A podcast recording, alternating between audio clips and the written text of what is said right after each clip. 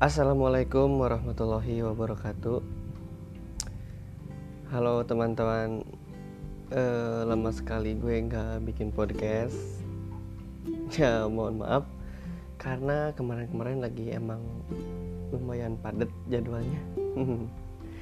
Dan di episode kali ini gue cuma pengen sharing berbagi pengalaman tentang ngebangun bisnis gue akan sharing hal yang cukup klasik sih di dunia bisnis yaitu modal. Hampir setiap kali temen tanya ke gue atau orang lain ngomong lu mah enak bikin bisnis banyak modal. Ada uang. Sedangkan gue gak ada duitnya gak punya duitnya. Gimana mulai tanpa duit? Gue setuju kalau duit itu penting. Tapi bukan hal yang paling penting nomor satu. Kenapa karena gue percaya masih banyak modal-modal lain dalam bisnis yang gak kalah penting. Please, woi, ini 2020 mau bisnis itu harus kreatif. Masa baru dikasih tantangan gak punya duitnya aja lu udah ngeluh. Makanya gue sering bilang ke temen deket gue, alangkah baiknya di zaman yang modern dan serba maju ini, lu sebaiknya invest di skill biar kerjaan yang nyari elu. Biar lu juga nggak bingung gimana bikin usaha kalau kita nggak punya duit. Kalau punya skill kan seenggaknya lu punya modal lah buat bikin usaha partneran cari partner sama yang punya duit. Karena bagi gue ada dua tipe modal bisnis yaitu modal yang kelihatan dan yang enggak kelihatan. Modal yang kelihatan itu bisa berupa duit tempat tanah yang bisa juga kita mulai bisnis dengan sistem bagi hasil. Biasanya ada juga yang kayak gitu.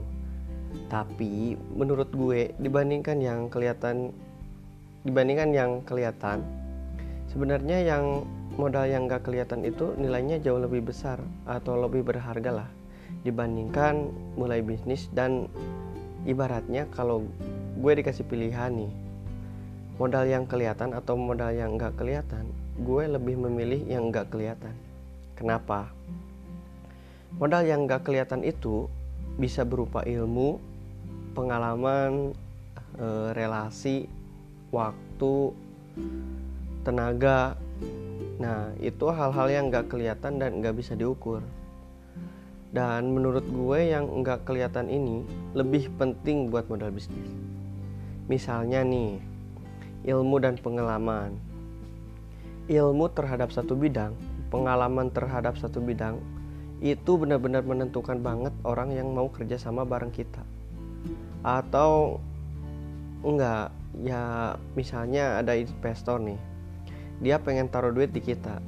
Dia pasti akan lihat dari ilmunya, dari pengalamannya, track record, kredibilitas, integritas kita, gimana catatan-catatannya, seberapa besar sih network yang kita punya pasti akan lihatnya ke situ.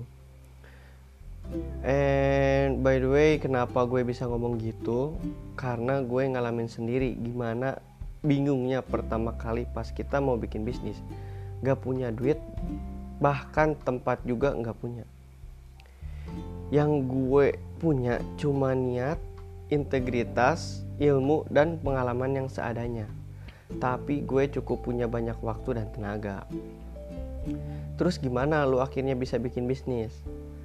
Kalau diibaratkan posisi gue itu yang sekarang sebagai kabel konektor antara charger dan handphone. Nah, gue bisa mulai bisnis berkat gue jadi konektornya. Karena percuma kalau HP-nya mati, walaupun ada chargerannya, kalau nggak ada konektor, itu HP nggak akan bisa hidup. Nah, diibaratkannya begitu. Karena gini, kadang orang yang kadang orang itu ada yang punya duit, tapi dia gak punya waktu dan tenaga. Terus kadang juga ada yang punya ilmu, tapi dia gak punya tempat. Nah, kenapa gue jadi konektor? Ya, gue nyambung-nyambungin orang yang punya duit dengan orang yang punya ilmu, terus yang punya tenaga dan tempat. Makanya gue sekarang bisa running.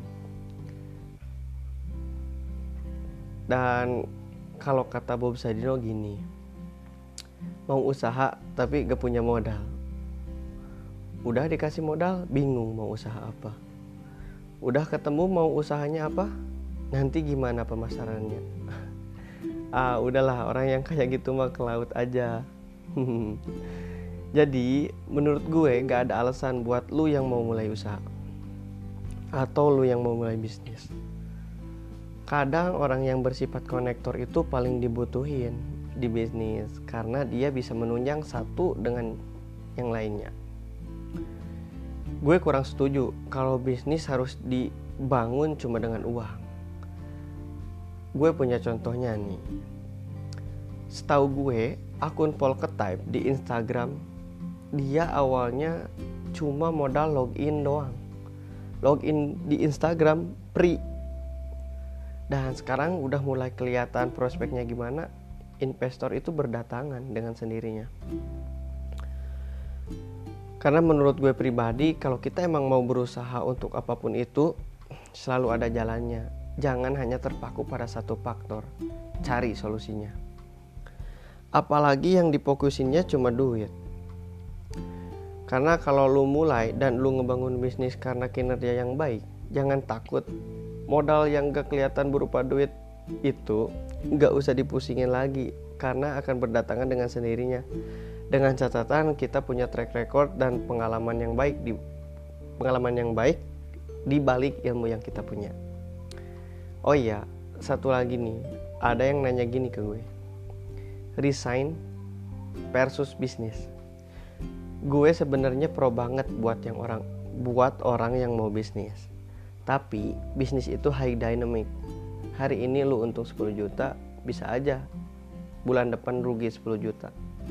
Kalau enggak kuat cari partner yang bisa journey bareng. Terus harus juga ditimbangin. Harus ada pertimbangan lah. Lu ada tanggungan enggak keluarga anak. Coba siapkan dana darurat yang cukup dulu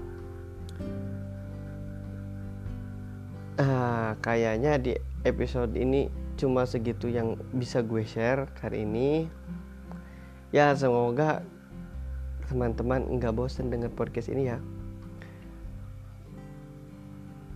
Terima kasih. Bye bye